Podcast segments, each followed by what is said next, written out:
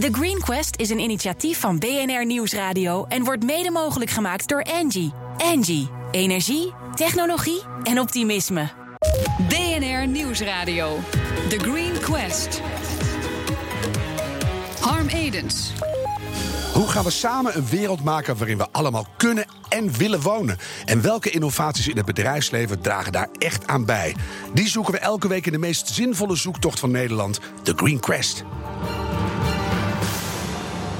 Nieuwkomer in de Green Gallery deze week is het Finse bedrijf Neste. Een van oudsher ouderwets oliebedrijf dat nu nieuwe oplossingen maakt. Samen met jurylid Wisse Hummel, Innovation Officer van Engie, ga ik uitzoeken hoe hun innovatie de wereld beter gaat maken. Maar eerst, hoe ziet de alternatieve brandstoffenmarkt voor auto's en vliegverkeer er op dit moment uit? Wat is er al en wat kan er al? Anouk van Grinsven is onderzoeker naar hernieuwbare energie in transport bij advies- en onderzoeksbureau CE Delft. Anouk, zullen we ons meteen beperken tot dat vlieg- en wegverkeer? Want dan is het wat overzichtelijker, want dat Ja, is ook helpt. waar Nest op inzet. Zijn er in beide branches, voor zover jij weet, al doelen geformuleerd waar we blij van worden? Ehm, in Nederland heb je voor het wegverkeer heb je in ieder geval al een, eh, een verplichting voor brandstofleveranciers Mhm. voor 2020. En die, eh, er zijn ook nieuwe doelen geformuleerd voor 2030. Maar die komen van buiten de branche. Die komen vanuit de EU. Mhm. Ehm, en voor het vliegverkeer is, eh, is de branche zelf hard bezig, eh, ook in samenspraak met, eh, met de ministeries, om daar eh, doelstellingen te formuleren, bijvoorbeeld aan de luchtvaarttafel. Ja. Ehm, daar wordt ook gekeken naar 2030. Maar heb jij het idee dat, dat het wegverkeer denkt, nou, zolang we ermee wegkomen, formuleren we zelf maar niks? Nou, het wegverkeer is wel heel breed. Het bestaat uit heel veel verschillende gebruikers en, en bedrijven en, eh, en personen. Ehm, dus ja, het zijn verschillende takken van, van sport die daar elk wat een andere ambitie hebben. Mhm. Dan gaan we het vandaag over eh, biofuels hebben, om het maar eens op één hoop te vegen. Nou zie je dat elektrisch vervoer op stoom begint te komen. Moeten we daar niet vol op inzetten, kan ik me voorstellen? Is het, is het zinvol om in de tussentijd nog met fossiel op welke manier dan ook aan de slag te gaan? Nou, je ziet dat elektrisch vervoer wel heel goed nieuws is en dat daar heel veel grote ontwikkelingen gaande zijn. Eh, er, is veel innovatie en je ziet dat, eh, dat in sommige staatjes zie je echt explosieve groei. Eh, dat is vaak wel explosieve groei als je kijkt naar bijvoorbeeld de nieuwverkopen.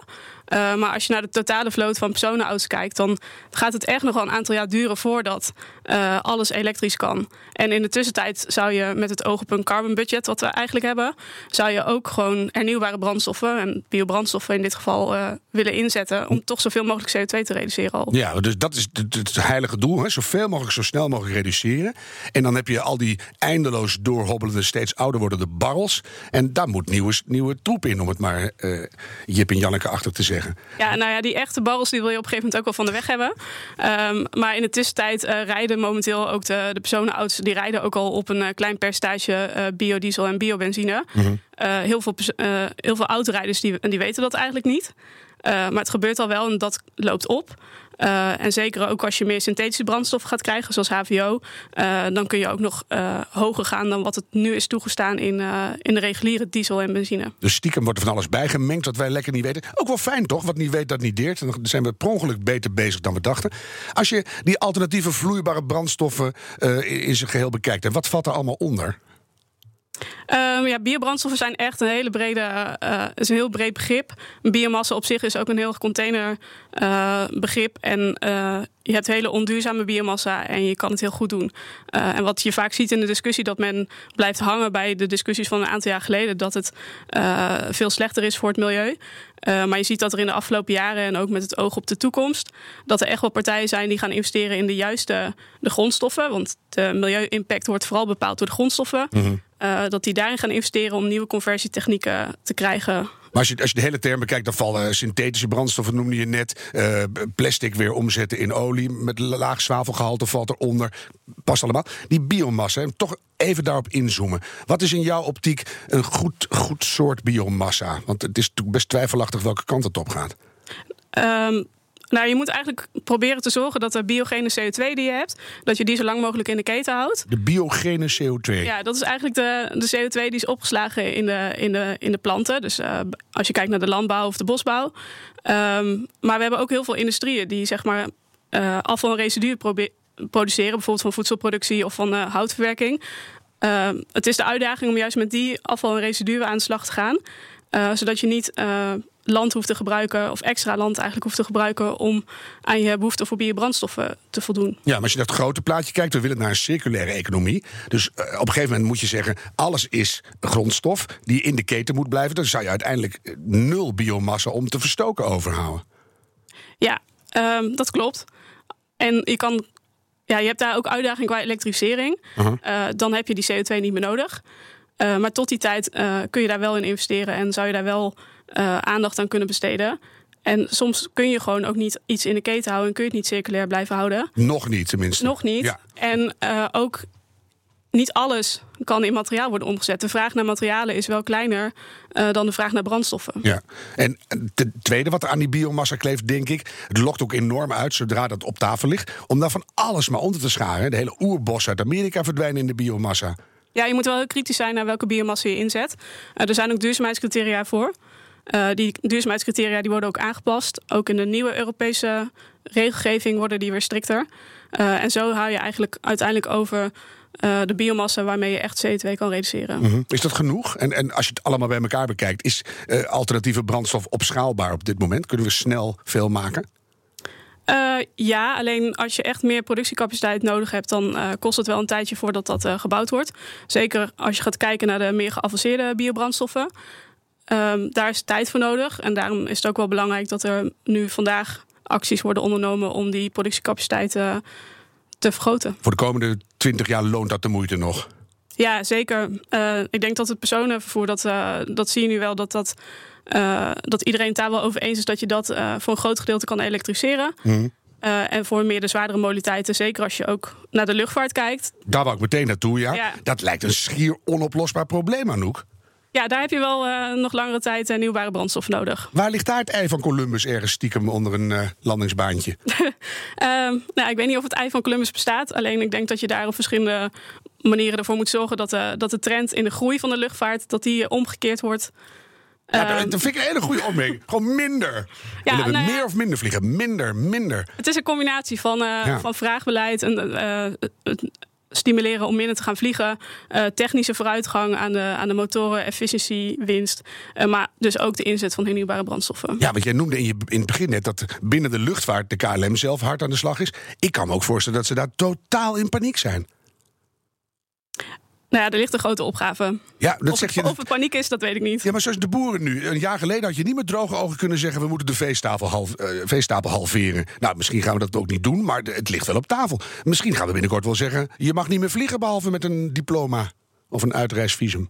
Ja, ik denk dat de luchtvaartsector, als je gaat kijken naar de afgelopen jaren, dat, dat die echt al wel een aantal jaar bezig zijn om, om te kijken wat ze daarmee moeten. Mm -hmm. uh, en je ziet dat uh, KLM en Sky Energy en andere partijen, dat die. Um, dat die daar wel proberen in voorop te lopen. Alleen om daar alleen in te opereren in een hele concurrerende markt is wel ingewikkeld. Ja, want elektrisch vliegen gaat nooit lukken, is ongeveer de prognose veel te zwaar. Dus daar, daar moet nog iets bedacht worden. Ja, alleen ja, met hernieuwbare brandstof kun je in ieder geval het begin maken. Ja. En in de tussentijd kun je dan kijken in hoeverre er andere opties eventueel ook uh, technisch haalbaar worden. Uh, alleen het is niet verstandig om te blijven wachten totdat je dat ene ei van Columbus hebt gevonden. Nee, want mensen blijven toch vliegen. Dus je moet iets doen nu. Ligt er nog iets in het verschiet wat jij al weet en wij nog niet? Mooie zin, hè? Um, nou, ik denk dat voor heel veel verduurzaming en zeker ook in transport, ik denk dat heel veel technieken die er nodig zijn om uiteindelijk uh, naar zero-emissie mobiliteit te komen, die zijn er eigenlijk wel. Uh, alleen nog niet betaalbaar genoeg en misschien nog niet op de schaal die we nodig hebben. Mm -hmm. um, dus het is voor mijn gevoel vooral een kwestie van doorontwikkelen. En, en langzaam CO2 beprijzen het hele pakket. En op een gegeven moment dan uh, ja, precies. we have a lift-off. Ja. Mooi, blijf erbij, want in deel 2 ben je misschien nog heel hard nodig. Dankjewel voor nu. Anouk van Grinsven, onderzoeker van CE Delft. Straks, hoe maken ze bij Nesten nieuwe diesel uit afval? En wat schieten we daarmee op? Dat ga ik vragen aan Bart Leenders, want die werkt daar. Tot zo. BNR Nieuwsradio. The Green Quest. Welkom bij deel 2 van de Green Quest, de competitie waarin we op zoek zijn naar de meest duurzame innovaties in het bedrijfsleven. In de Green Gallery zijn we bij innovatie nummer 7 en die klinkt zo. Het is altijd heel belangrijk dat je natuurlijk de juiste olie selecteert bij jouw motor. Kijk, dan heb ik hier dus. Mooie patatjes, zo krokant dan komen ze uit de diamant. Lekker. Ruikt naar frietjes. Hmm. Welkom bij alweer de halve finale van Heel Holland Frituurt. Het belooft een eh, vette aflevering te worden.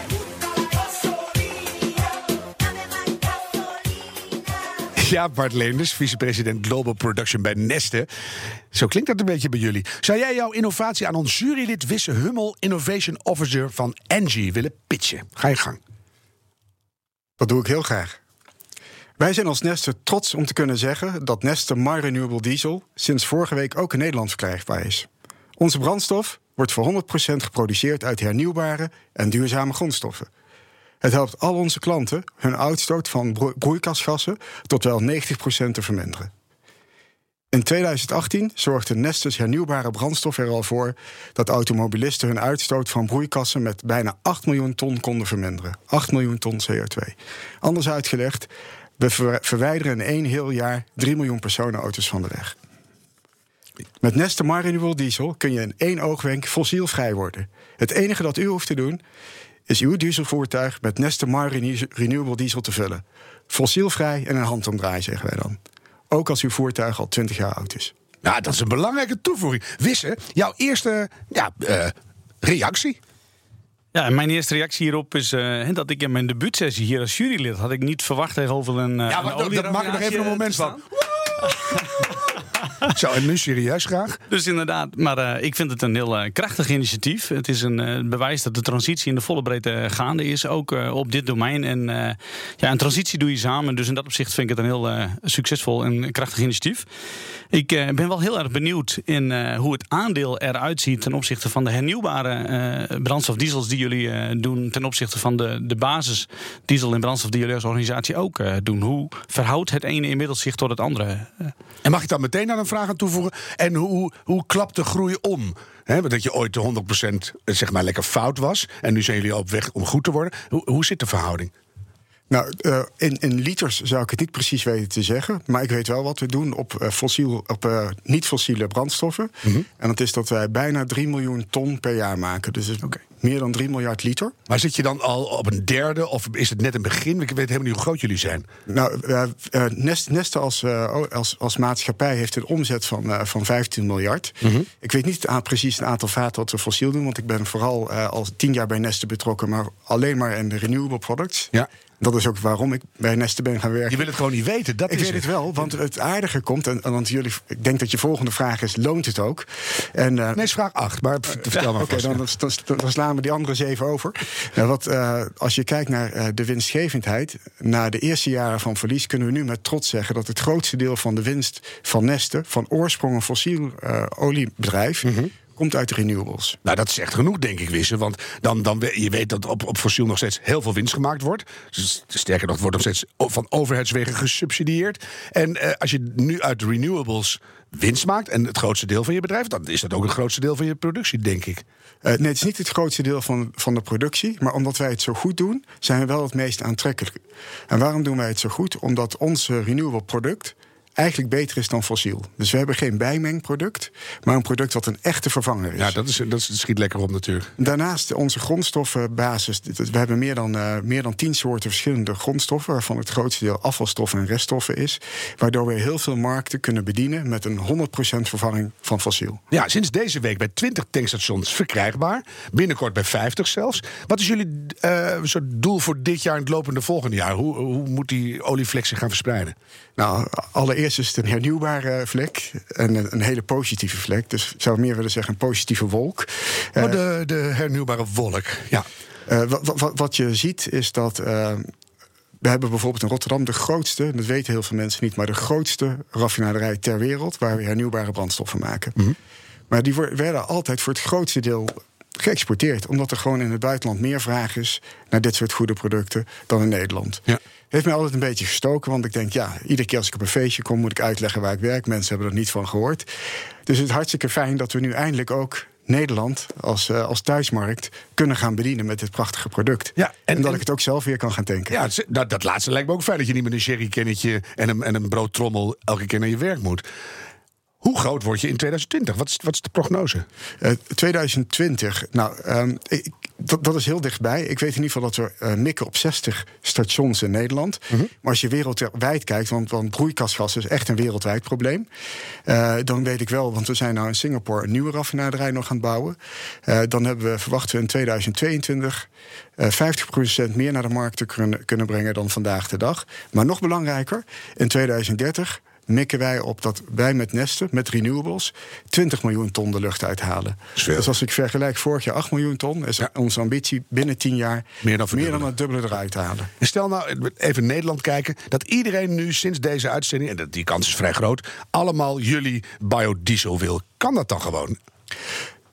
Dat zou theoretisch bijna kunnen.